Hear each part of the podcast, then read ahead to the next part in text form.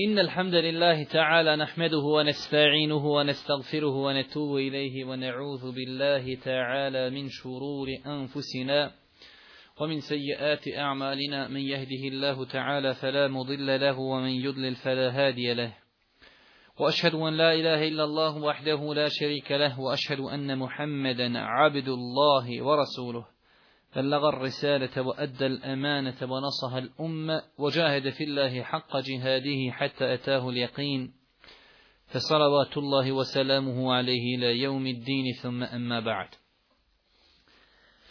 Braću moja draga, kao što znate, ovo je naše 11. druženje u kojem govorimo i komentarišemo hadis Džibrila alaihi salatu wasalam. Govorimo o imanskim šartima, temeljima imana, petom imanskom šartu vjerovanju u sudnji dan.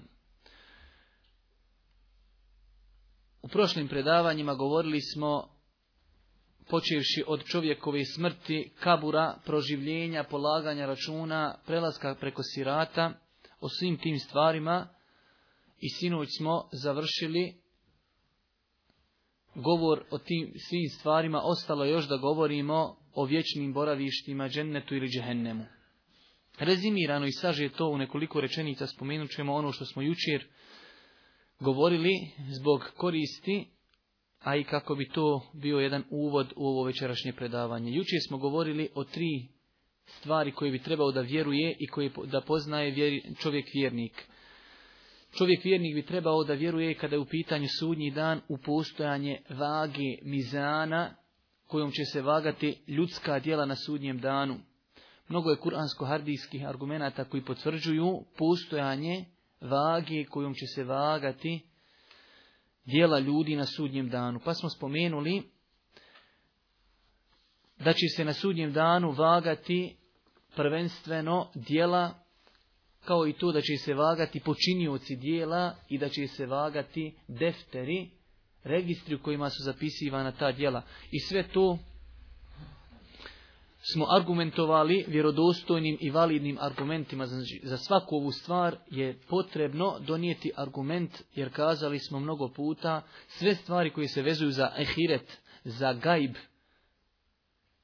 moraju biti potkrijepljene kuransko-hadijskim tekstovima. Nakon toga smo govorili da čovjek treba da vjeruje u postojanje sirata, čuprije, koja će biti nakon obračuna i vaganja dijela postavljena, a to je, kako ga definišu islamski učenjaci, most preko džehennema, preko koje će prelaziti ljudi shodno, znači njihova brzina prelaska preko sirata će biti različita shodno njihovim dijelima. Vjernici su jedina skupina ljudi koji će prijeći preko sirata, dok ostali znači će pasti u džehennem. Također, za postojanje sirata, čuprije spomenuli smo validne argumente, rekli smo da ne postoji precizan i jasan ajet koji potvrđuje postojanje sirata, ali zato postoje mnogi hadisi Allahu poslanika koji potvrđuju postojanje sirata. Nakon toga smo argumentovali i činjenicu da će ljudi prelaziti preko sirata shodno jačini njihovog imana i dobroti dijela, pa smo kazali da će neki prijeći preko sirata brzinom munje, neki brzinom treptaja oka, neki kao konjanici, a neki opet kao čovjek pješak. Nakon toga rekli smo da su ljudi podijeljeni, možemo reći, u dvije ili tri skupine, munafici i nevjernici će sa sirata pasti u džehennem, vjernici će prijeći i krenuti ka džennetu i tu postoji to neko brdašce ili čovjek ne zna kako da se izrazi, u arapskom je to izraz qintara, gdje će biti vjernici zaustavljeni, kao što je spomenu, spomenuto u hadisu imama Buharije, da znači, će vjernici biti zaustavljeni kako bi jedni drugima halalili ono što su imali između sebe na dunjaluku kako bi ako Bog da u džennet ušli čisti grudi. I zadnja stvar o kojoj smo govorili jeste, ta treća skupina jeste stanovnici Bedema, spomenuti u suri El-A'raf Bedemi, skupina ljudi koji uzvišeni Allah te ta'ala spominje u ovoj suri da će biti jedna skupina koja će biti na Bedemima, između dženneta i džehennema i vidjet će i džennetlije i džehennemlije i razgovarat će i sa jednima i sa drugima. I spomenuli smo u nedostatku argumenata islamski učenjaci se razišli u pogledu ovog pitanja ko su te bedemlije, ljudi koji će biti na bedemima, otprilike u 20 različitih mišljenja. I rekli smo ni za jedno to mišljenje ne postoje jasni, precizni i validni dokazi, zato je bilo velik bio velik broj mufesira, tumača Kur'ana koji su po tom pitanju izabrali tawakuf, neizjašnjavanje, jer jednostavno nisu našli validne dokaze za ono što su drugi spominjali. Znači, spomenuli smo razno razna mišljenja učenjaka ko bi sve mogao da bude na tim bedemima. Većina mufesira i učenjaka je smatralo da su ljudi čija dobra i loša djela su jednaka. Znači, imali su dobrih djela ali ne toliko da bi mogli ući u džennet, a imali su i grijeha, ali ne toliko da bi ih ovaj otišli u džehennem. Nakon toga preostaje nam samo još, braćo moja draga, da govorimo o tim vječnim boravištima i to je kraj onoga što bi čovjek trebao da vjeruje vezano za tematiku sudnjeg dana, a to je tematika dženneta i džehennema. Mi ćemo ako Bog da večeras početi govoriti o džennetu, a Vidjet ćemo ako Bog da koliko će se to odužiti. Ako pogledamo kuransko-hadijske tekstove, vidjet ćemo, vraćo, da je izuzetno mnogo pažnje posvećeno ovoj tematici. Sam Kur'an skoro da ne postoji u njemu stranica, a da u njoj se ne govori o džennetu, o blagodatima dženneta, o stanovnicima dženneta, o dijelima koja vode u džennet, ili s druge strane, ne možete skoro naći stranicu, a da na njoj se ne govori o džehennemu, o patnji džehennema, o stanovnicima džehennema, o dijelima koja vode u džehennem. I to je veliki pokazatelj bitnosti te tematike. Jer u svemu tome bi trebao da bude podstrijek insanu da zasluži džennet, a odnosno s druge strane tu bi ga trebalo da zastraši da se što bolje udalji od džehennema. Evo jednog blic pitanja, nadam se inšal da ga svi znate, ali čisto onako malo da, da vi shvatite da ovo nisu klasična predavanja, već da su ovo onaj predavanja zimske škole islama i da su to predavanja edukativnog karaktera gdje treba da postoji malo i razgovor. Ko zna, znači prije toga pogledajte, govorili smo i jučer i prekučer, govorili smo o čovjekovom životu kroz kabur, oživljenje i mnoge te stvari mi smo obaviješteni o njima, ali one još nisu nastupile. Ali džennet i džehennem, da li oni potpadaju pod te stvari? Znači pitanje konkretno, da li sada džennet i džehennem postoji?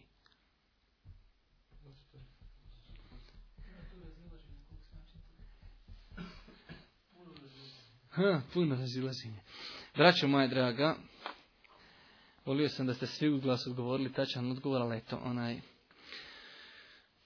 Kaže, vi znate, svi ste čuli za Tahavijevu poslanicu, znači Tahavijska akida takozvana. Ta Tahavijska akida ima izuzetno jedan dobar komentar koji je, alhamdulillah, preveden na bosanski jezik, samo je to pitanje dana kada će biti odštampan, koji je komentarisao jedan veliki učenjak Hanefijske pravne škole koji se zove Mohamed ibn Mohamed ibn El-Iz Hanefi, ibn Ebil Iz El-Hanefi, u kojem on komentariše riječi imama Tahavije. Pa imam Tahavija, između ostalo, kaže i mi vjerujemo da su džennet i džehennem stvorenja. Pa on to pojašnjava i kaže, ehli sunnet vel džemat ima jednoglasan stav da džennet i džehennem sada postoje. Da su stvorenja i da sada postoje. Znači, ehli sunnet ima jednoglasan stav. Znači, nema razilaženja kod ehli sunneta.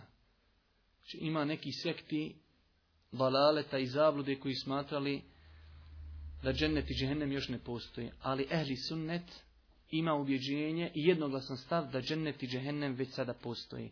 I tu je u jednu ruku, braćo moja draga, i vid podstrijeka čovjeku da se priprema za džennet. Jer čovjek kada zna nešto mu je obećano i da to već postoji, to je jedan dodatni motiv da se čovjek priprema. A s druge strane isto kad znaš džehennem i već postoji, onda je to dodatni motiv da se čovjek što više pazi toga. Mi ćemo kratko spomenuti samo neke argumente koji potvrđuju postojanje dženneta i džehennema, konkretno dženneta. Hadis o tome je zabilježen imam Tirmizi, Ebu Davud, imam Nesai sa vjerodostojnim lancem prenoslaca od Ebu Hureyri. Kaže Allahu poslanik alaihi salatu wasalam, Lenna khalaqa Allahu al-jannata wan-nar. Kada je uzvišeni Allah stvorio džennet i džehennem, poslao je Džibrila alejhi salatu selam pa je rekao: "Idi i pogledaj džennet. Idi, pogledaj šta sam pripremio ja za svoje pokorni robove, odnosno šta sam ja pripremio za stanovnike dženneta. Pa je otišao Džibril alaihi salatu wasalam i kada je vidio džennet, vratio se, kaže, gospodaru, ne mislim da će iko čuti za džennet, a da neće ući u njega. Mi smo svi čuli za džennet. Koliko mi potpadamo pod definiciju Džibrila alihi salatu wasalam. Koliko se trudimo zaista da zaslužimo džennet. Jer on kaže što on vidio. I on kada je vidio shvatio je da čovjek koji čudni čuje za džennet, nemoguće, kaže taj će morati ući u njega. Kaže, pa uzvišen je Allah tebarka naredio da se džennet prekrije neugodnostima. Kaže, idi sad drugi put pogledaj. Kaže, pa je pogledao i došao, kaže gospodaru, bojim se da niko neće ući u džennet. Pa ga je nakon toga uzvišen je Allah poslao i kaže, idi vidi džehennem. Pa kada je vidio džehennem i njegove patnje, i muku i bol, kaže gospodaru, kogod čuje za džehennem, neće ući u njega. Kaže pa uzvišeni Allah te baraka ta'ala naredio da se džehennem prekrije strastima. Pa je rekao Džibrilu alihi salatu wasalam, idi pogledaj sada, drugi put. Kaže, pa kada je pogledao Džibril alihi salatu wasalam, kazao je, ja sam se pobojao da se od njega niko neće spasiti i da će svi ući u džehennem. Koliko je to privlačno, koliko je to znači našminkano tim strastima. Ovaj hadis, znači vidimo na samom početku kaže kada je Allah stvorio džennet i džehennem, što znači da je tu glagol u prošlosti, da je to već nekada davno urađeno. I ovaj hadis nedvosmisleno ukazuje da džennet i džehennem već odavno postoje.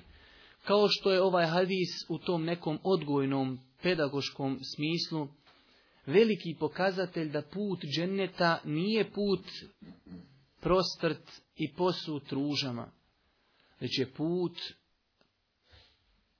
posut bodljikavim trnjem. Put suza, put iskušenja, put gladovanja, put ulaganja truda, put neimaštine i mnogo drugih iskušenja. Dok s druge strane put džehennema je put slijeđenja strasti.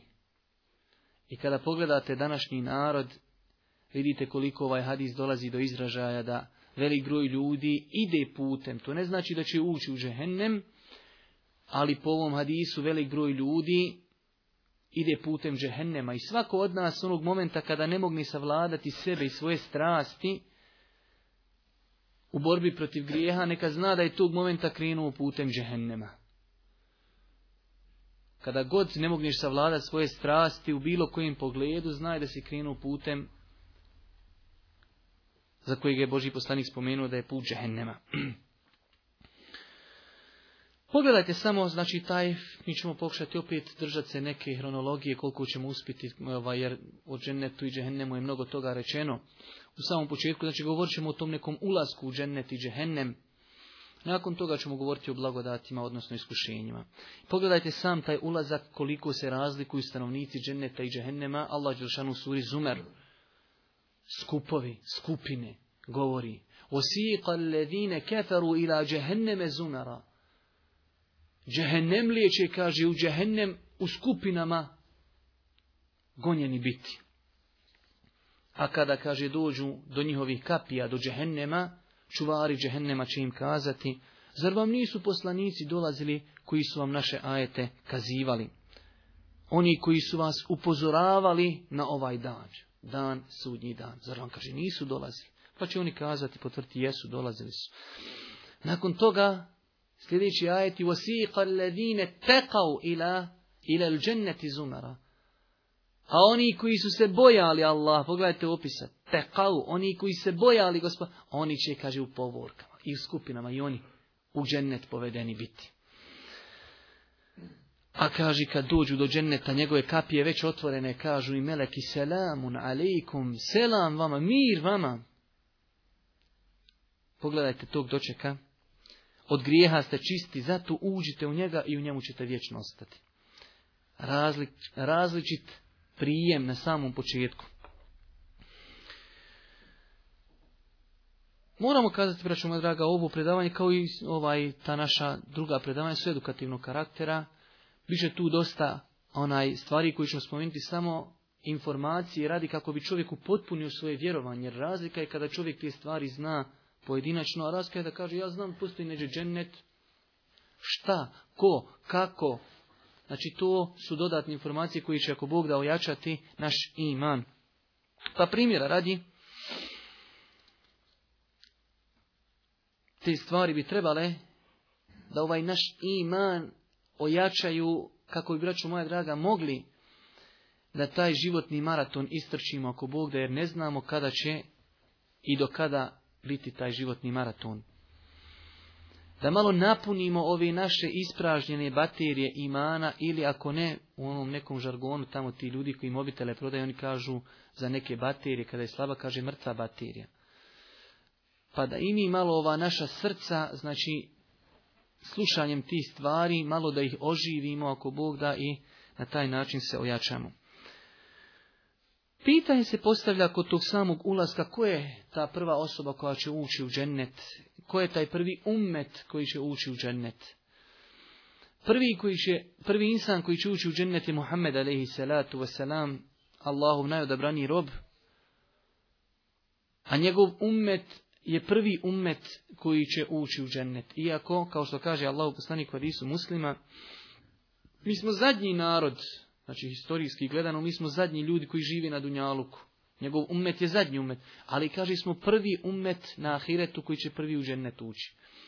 A što se tiče hadisa i potvrde će Allah poslanik prvi ući u džennet također kod imama muslima, kaže Allah poslanik alaihi salatu wasalam, Kaže, ja ću doći do vrata dženneta pa ću pokucati, zatražit ću dozvolu da, da uđem pa će mi reći čuvar dženneta kosi. Kaže, pa ću reći Muhammed, pa će reći naređeno mi je da ne smijem otvoriti nikome prije tebe. Također od pitanja koja je lijepo spomenuti, a vezuju se za tu tematiku samog ulaska u džennet, jeste razlika prilikom ulaska u džennet između bogatih i siromašnih ljudi. Kaže se tamo u hadisu koji je imam hakim sa vjerodostojnim lancem prenosilaca. Ših Albani rahmetullahi alihi kaže ovaj hadis da ispunjava uvjete imama muslima. Da je Allahu poslanik alihi salatu wasalam jedne prilike kazao sahabima, znate li vi ko će prvi ući u džennet? Kao skupina, kao ljudi. Kažu oni Allah Želešanu i njegov poslanik najbolje zna. Kaže Allahu poslanik, siromasi muhađiri, oni će prvi ući u džennet. Kaže, oni kada dođu u džennet i pokucaju na vrata, kaže, čuvar će im kazati, pa zar ste već vi, kaže, položili račune? On čeka od velikonta, još će to biti. Zar ste položili već račune? Kažu oni, pa zašto da polažimo račune, kaže, mi od imetka nismo imali ništa. Jedino smo, kaže, imali sablje koje su visile u našem vratu, u pojasima našim, i kaže, borili smo se na Allahovom putu. Mi imetka nikakvog nismo imali. Kaže pa će im otvoriti, pa će ući i četrdeset godina će se naslađivati, spavati, kaj lulu, odmarati dok dođu drugi ljudi. Onaj, tu vidimo, znači, da će na ahiretu siromasi ipak bolje proći i lakše proći od onih koji su imali dosta imetka. To nijukom slučaju ne znači da je pokuđeno imati imetak, ali znači onaj koji ima imetak nek bude spreman da polaži račun. Znate svi hadis kojeg je zbilži imam Tirmizija, sa vrdosnim lancem prenosila sam ovog poslani, kaže čovjek će biti pitan na sudnjem danu i neće se njegove noge stopala pomakjeti ispred gospodara, sve dok ne odgovori na pet stvari, pet pitanja. O životu, kako ga je proveo, o mladosti, gdje ju je potrošio, o imetku, kako ga je stekao i gdje ga je potrošio i o znanju, šta je radio po njemu, i o svome tijelu u čemu ga je koristio. Ja sam ovdje spomenuo šest, ali znači i metak inače u hadisu se smatra jedna stvar gdje ga je potrošio i kako ga je stekao, znači jedna, jedno pitanje. Znači, na ahiretu će čovjek odgovarati. Onaj ko bude imao manje, lakše će odgovoriti. Onaj ko ima ne više, nek bude samo spreman da odgovori. Inače, znači, dosta puta mi na Dunjalku imamo neke pogrešne parametre volimo nešto, a u tome nije hajr za nas, a nešto prezirimo, a u tome može biti hajr. Pa kaže Allah poslanik ali se ratu sam hadis smo citirali više puta. Dvije osobine kaže čovjek preziri. Preziri smrt. Svako preziri da umre. Koji god bi rekao bi umru, neka još koji dan. A kaže, možda je smrt bolja od iskušenja. Čak umriš, znaš da poslije toga više nema iskušenja, ali nakon smrti, ako nisi umro, mogu doći iskušenja. Pa Allah zna kako ćeš se ti postaviti prema tim iskušenjima. Zato kaže nekada i smrt dobra. I druga stvar koju ne voli, kaže sin Ademov na Dunjalku, jeste siromaštvo. A siromaštvo je, kaže, lakše je siromasima podnijeti račun na sudnjem danu. I još jedna stvar vezana za to da će ljudi na sudnjem danu poželjeti da su bili nešto drugo na Dunjaluku, jeste da ljudi koji su bili iskušani puno, odnosno ljudi koji nisu bili iskušani, ljudi koji su bili zdravi, nisu imali ta nikakvih. Zaista se nekad desi, vidiš čovjek mašal i lijep vjernik, ali sve mu ide od ruke i nije bio iskušan. E, takvi ljudi na sudnjem danu će poželjeti da su bili iskušani na dunjalku. Kaže Allah poslanik ali salatu se hadis hadisku ih zabilježio. Imam firmizi sa dobrim lancem prenosilaca kaže poželjeći oni koji nisu bili iskušavani na Dunjaluku, kada vide na Ahiretu kolike nagrade dobijaju oni koji su bili iskušani, poželjeći da su njihove kože, kaže, kidane makazama i klještima. Volići, kad tamo dođe, kad vidu kak, koliko nagrada su dobili oni koji su bili iskušavani, a oni nisu bili, on će, kaže, poželjeti da su njihova kože na dunjalku čupane klještima. Znači samo kako bi oni dobili tolike nagrade. Kada govorimo o tom siromaštvu, onaj, naumpale su mi neke predaje koje nisam mogao preskočiti, onaj, vezano za ovu tematiku, naumpadne mi Ebu Hureyre, radi Allahu ta'ala anhu, hafiz ovog ummeta, kaže se u hadisu kojeg zbližavam Buharija, kaže Ebu Hureyre, toliko sam znao biti gladan. Muhađir, znači to je taj, inšalam, skupina muhađira, siromaha koji će prvi u džennet, Kaže, toliko sam znao biti gladan da sam ležao na zemlji samo da stomak moj pritisne malo, znači unutra, da se pritisne stomak od zemlju samo kako bi gladu, znači ublažio. Pa sam znao, kaže, vezati svoj, na svoj stomak kamen, samo da bi ublažio glad. Do te mjere, kaže, da sam znao kraj mimbera Allahovog poslanika pasti unesvijest od gladi, Kaže da bi ljudi dolazili svojim nogama me kaže šutali po glavi, smatrajući da sam kaže poludio, a ja kaže sam zdrav bio, samo kaže sam bio gladan. Toliko je bio gladan. U drugoj predaj koji zabilježi imam Tirmizija, sa vjerodostojnim lancem prenosnaca, stoji i kaže jedne prilike sam isto puno izgladnio. Kaže pa sam izišao na put kojim je prolazio narod za džamiju, pa je naišao Ebu Bekr, Kaže, pa sam ga zaustavio, pitao sam ga za jedan ajet, a nije mi, kaže, bilo do toga. Kaže, znao sam ja to, ali samo kaj ne bilo, on shvatio da sam ja gladan. Kaže, pa je otišao, nije primijetio sam gladan. Pa je naišao Omer, kaže, pa sam i njega zaustavio, pitao sam ga za neki kuranski ajet.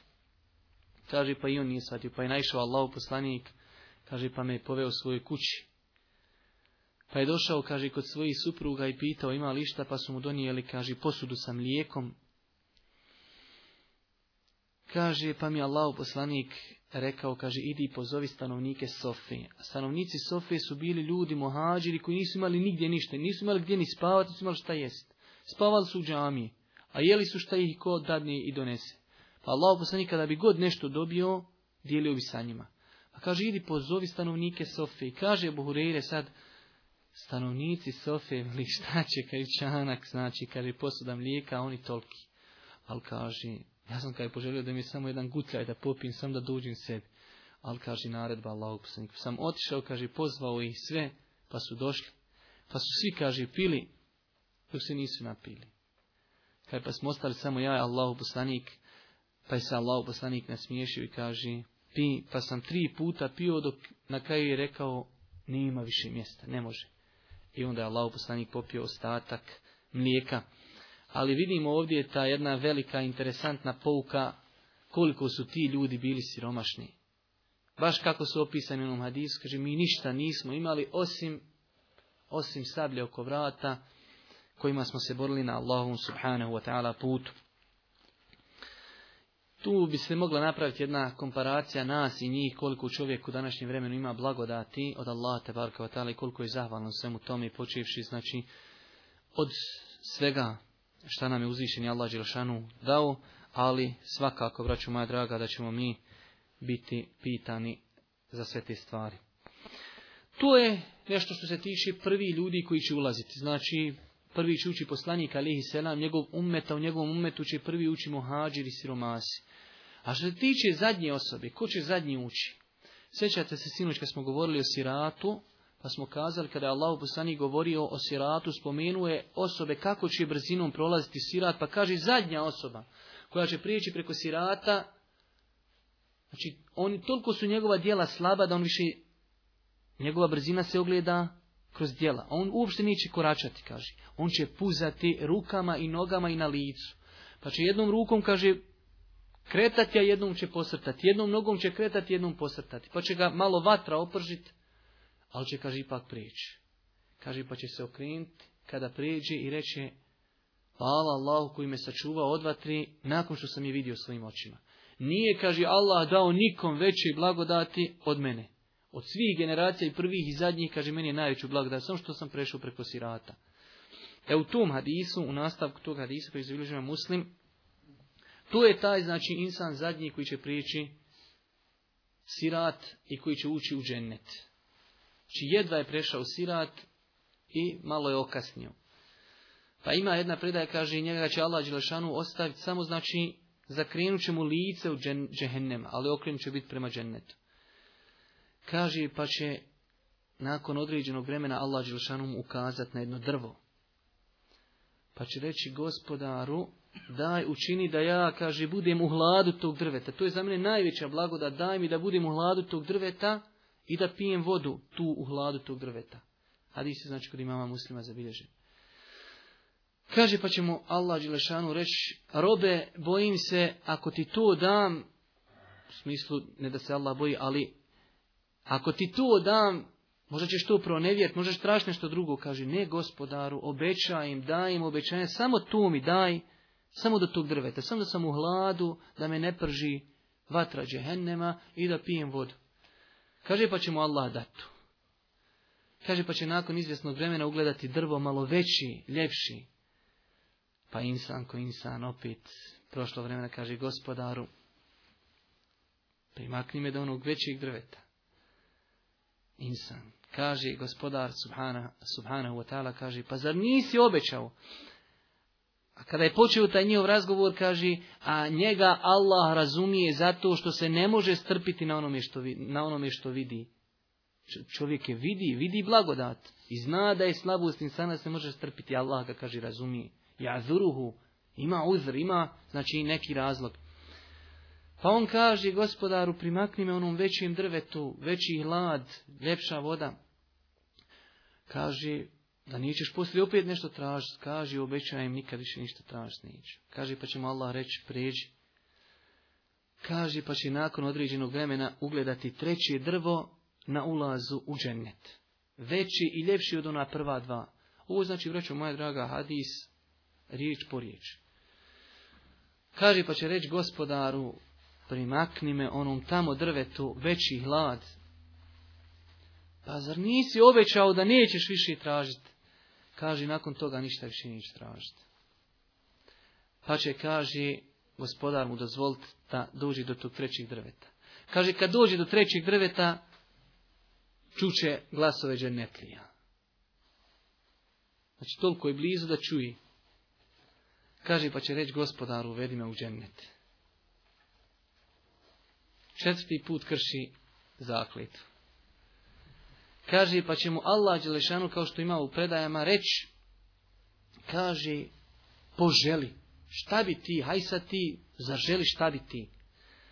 Kaže, pa će željet, željet, željet, kaže, dok mu, ne, dok mu nestane onoga što bi on mogao poželjet, ne zna više šta je poželio. Pa će mu reći uzvišeni Allah, imaš to i još toliko deset puta.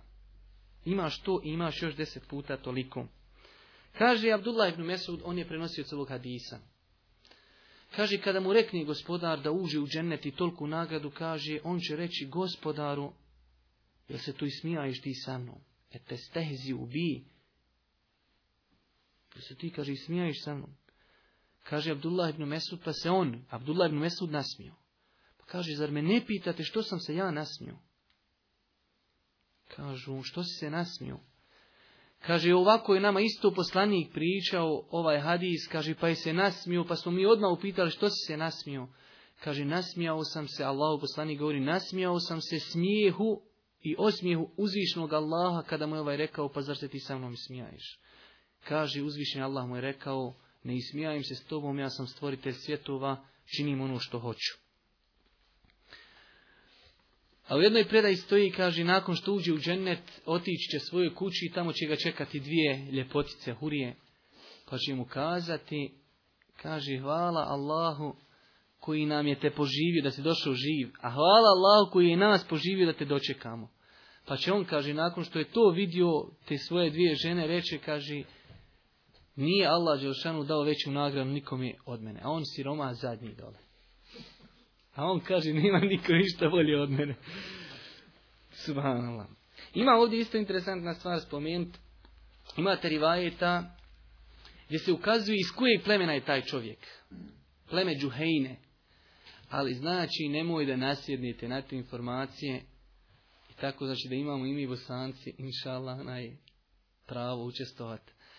Taj hadis je apokrifan, izmišljen u kojem stoji da će zadnji džemnetlija biti iz plemena Džuhejne. Iako je to i u arapskom svijetu opće poznata stvar, ali Ših Albani Rahmetullah i taj hadis je ocijenio apokrifnim, slabim, znači ne može se ni u slučaju koristiti kao validan šerijetski argument. Nakon toga, vjerovatno se postavlja i pitanje kakvi li će biti ljudi koji će ući u džennet, kakvog izgleda, kakvog kakve visine, kakve ljepote, kakvog srca. Imate hadise vjerodostojne, jedan od tih hadisa, hadis koji izbiliži sa dobrim lancem prenosilaca, da Allah poslani kazao, Ma ahadin je mut, nema ni jednog insana koji umri, pa čak kaže i ono nedonošće dijete koje žena pobaci, ili kaže neko od onih koji umri kao stare osobe. Znači sve obuhvata. Kaže svi ti ljudi oni će biti, kaže, proživljeni na sudnjem danu, imat će 33 godine. Imat će 33 godine. Pa kaže Allah poslanik, ako bude od stanovnika dženneta, više visine i oblika, znači građe, Adem alihi selam, bit će ljepoti Jusufove, a bit će srca Ejuba alihi salatu wasalam. Svi ljudi u džennetu će biti tog srca. Kao srce Juba alihi selam, a svi će biti lijepi kao Jusuf alihi selam. A kazali smo u jednom od prošlih predavanja da je validan i vjerodostojan hadis u kojem Allah poslani kaže da je Jusuf alihi selam dobio šatr al-husn, pola ljepoti. Ali kaže Allah poslani, a ako bude i džehennemlija, ovo ako je džennetlija, ako bude i kaže, još će se više uveća. Znači, svi će biti proživljeni u 33 godine i u obliku veličini Adem alihi selam, ali kaže ako bude džehennemlija bit će toliko velik kao brdo. A koliki je bio Adem alihi selam, kaže Allah poslanik alihi salatu veselam u vjerodostojnom hadisu, Allah Đelešanu je kaže stvorio Adema u svome obliku, odnosno u njegovom obliku, bukvalno prevedeno. Ali ova zamjenica u njegovom obliku misli se na uzvišnog Allaha te baraka ta'ala znači ima, ja ću vam to ostaviti do sljedećeg petka da malo tražite po knjigama kako Eli sunnetski učenjaci tumači ovaj hadis gdje se kaže da Allah Žešanu stvorio Adema u njegovom obliku. Pa kaže se u nastavku hadisa tu luhu visina njegova je sitine zira'an 60 podlaktica. Jedna podlaktica otprilike pola metra, 60 podlaktica 30 metara i svi džennetlije će biti znači te otprilike visine 30 metara. I svi kaže će ući džennetlije u obliku, znači visine Adem ali selam, svi će imati 60 podlaktica. I kaže Allah poslanik, i ljudi se nisu prestali smanjivati sve do dana današnjeg. Znači ljudi se neprestano onaj smanjuju. Ako pogledamo, braću moja draga, u taj ahiretski život, vidjet ćemo da se on u četiri ili pet ključnih stvari razlikuje od ovog našeg dunjalučkog života. I o tome bi se moglo govoriti nadugo i naširoko, ali mi ćemo rezimirano spomenuti četiri ključni razlike između dženneta i dunjaluka ovog na kojeg mi živimo. Prva stvar, dunjaluk, braću moja draga, kompletan dunjaluk u odnosu na ahiret. Iako mi tu sada svojim razumom i u slabosti svoga imana ne možemo nikako dokučiti. Ali dunjalu kompletan je bezvrijedan, malehan i prezren u odnosu na ahiret. Kaže Allah poslanik u hadisu, kojeg zbilježi muslim, kaže primjer Dunjaluka naspram Ahireta je kao primjer nekog od vas ko kaži prst zamoči u more i izvadi ga. I neka kaže pogleda šta je ostalo na kaži prstu. I ako ostane nešto, to je kapljica ili dvije. Ali vjerovatno možda neće ništa ostati. E, takvo je poređenje između Dunjalko i Ahireta, te kaplice vode naspram mora. Zato uzvišen Allah u Kur'anu u jednu ruku znači kudi one ljude koji ne mogu da shvati razliku između Dunjaluka i Ahireta i vrijednosti Dunjaluka i Ahireta. Pa kaže u suri et da citiramo samo prijevod, o vjernici, zašto oklijevate kada vam rečeno je da idete u boj? Ma lekum qile lekum unfiru, šta je vama kada vam se rekne idite, boj, bitka, džihad, što oklijevate? Eraditum bil hajati dunija, zar ste vi, kaže, zadovoljni, zar vam je draži ovo dunjalučki život u odnosu na ahiret? I onda zadnji riječ u tom ajetu kaže, a uživanje na ovom svijetu prema onom svijetu je ništa. Znači, uživanje na ovom svijetu, dunjaluk, u odnosu komparacija sa onim svijetom je, kaže, ništa, ne može se porediti. To je prva ključna razlika između Dunjaluka i Ahirete. Druga jeste što sve što je na Ahiretu bolje je i kvalitetnije od onoga što je na Dunjalku. Sve tamo što ima bolje je od onoga što imamo mi ovdje. U svakom pogledu. Treća ključna razlika jeste da je ahiret i ljudi na ahiretu će biti čisti od mahana. Evo pogledajte nas, primjera radi na Dunjalku, mi se smatramo kao ono razumna biša i je jedna od najsavršenijih Allahovih bića i stvorenja. Ali opet čovjek ima dosta tih svojih mahana koji se ne može otarasiti. Primjera radi, čovjek ima potrebu za fiziološkom potrebom. Pa odeš u WC, pa znate kako je u WC, ne treba pojašnjavati. Žene, svaki mjesec, mjesečnica, porodi se nifas. Na Dunjaluku, ako se napiješ vina, prvo ne znaš šta pričaš, drugo boli glava, mahmuran, svašta nešto. A na ahiretu ništa to nema. Neće biti fiziološke potrebe, ni velike, ni mali. Žene nemaju mjesečnicu. Zaista, zaista fino. Konzumiranje vina, rijeke vina, ne boli glava, nema mahmurluka. Nema loših riječi, u džennetu osnovi ne možeš čuti lošu riječ. Nima zlobe. Znači, s tog aspekta džennet se ne može uopšte porediti sa dunjalukom. I četvrta i zadnja stvar i možda ključna razlika između dunjaluka i ahireta jeste što je jedno od njih dvoje prolazno, a jedno je vječno. Kada ne bi bilo drugih razlike osim ove, bila bi dovoljno da se čovjek potrudi da ne izgubi ahiret, a to je na ahiretu imaju samo dvije opcije. Džennet ili džehennem, ali oba dvije su vječne. I nema popravnog, ko na Dunjaluku. Na Dunjaluku propadneš treći razred, aj ponovi. Pa opet. Uložio trgovinu, bankrotirao, uzajmi dug, pa ponovi. Ali na ahiretu ako propaniš, ako bankrotiraš, ako loša djela prevagnu dobra, tu nema popravnog, a čekate vječnost.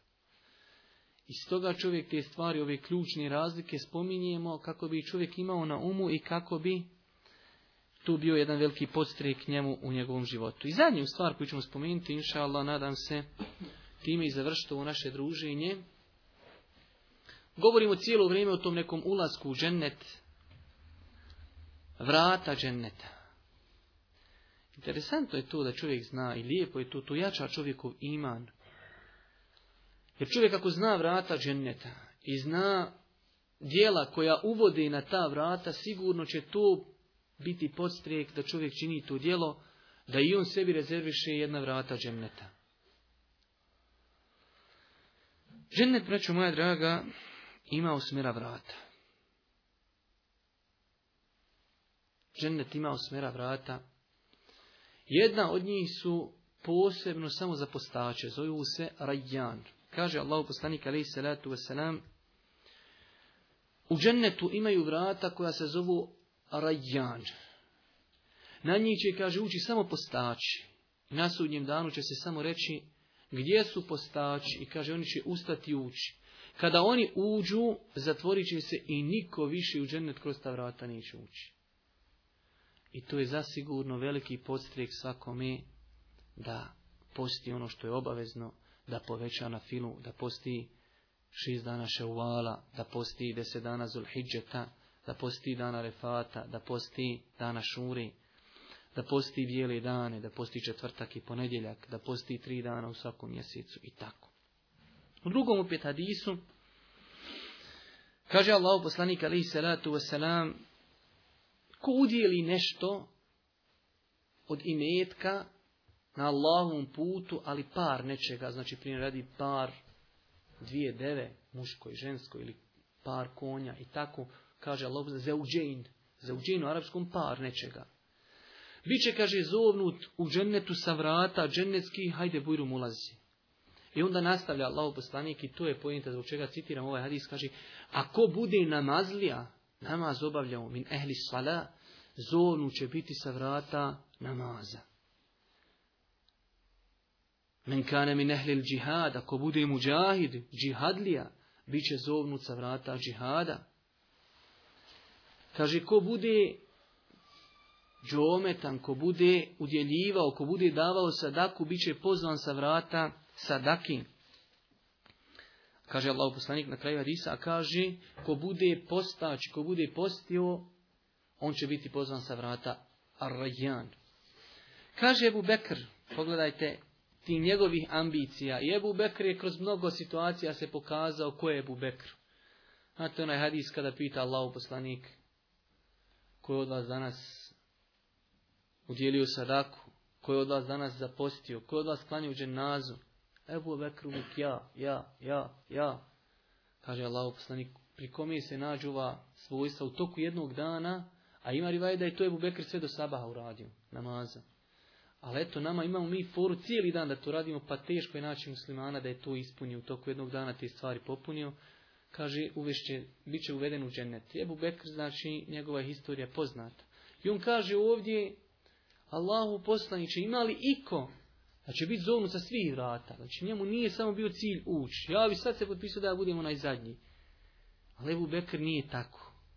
Ebu Bekr nije mu bilo samo da uđe na jedna, on Pita ima li iko da će biti zovnut sa svih vrata? Kaže Allah poslanik ima, a nadam se da ćeš ti biti jedan od njih. Također od vrata dženneta, znači izuzetno lahko, i ako voda gledat ćemo da sljedeći put pripremimo priču o ovom hadisu, hadisul vudu, hadis abdesta. Od Omera radijallahu ta'ala koji je zabilježio ima muslim, da kaže Omer, rekao je Allah poslanik, ko uzmi abdest, nakon toga kaže, La ilaha illallah, ešhedu en la ilaha illallah, vahdehu la šerike leh, wa ešhedu enne Muhammeden abduhu wa rasuluh, Kogod to, kaže, uradi, otvorit će mu se vrata dženneta osmera da uđe na koja hoće. Ovaj hadis, vidjet ćete, ima interesantna priča za njega. Jedan veliki hadijski učenjak puno zemlje na Dunjalku obišao zbog njega. I na kraju je kazao iako je hadis u muslimovoj zbirci hadisa, ali tada još muslimova zbirka hadisa nije bila kompletirana.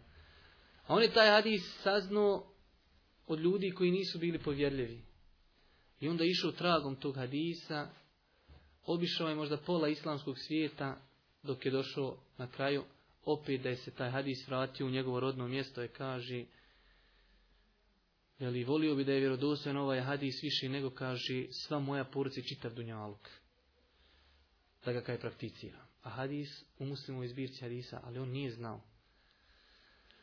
Ali ako Bog da pokušat ćemo pripremiti tu priču kompletno, znači kako je on išao od grada do grada tražeći ovaj lanac prenoslaca ovog hadisa. Či znači hadis da se nakon abdesta kaže ešhedu en la ilaha illa Allah wa ešhedu enne Muhammeden ešhedu en la ilaha illa wahdehu la širikele wa ešhedu enne Muhammeden abduhu wa rasuluh Ko tu kaže nakon abdesta otvore mu se osmjera vrata dženneta da uđe na koja hoće.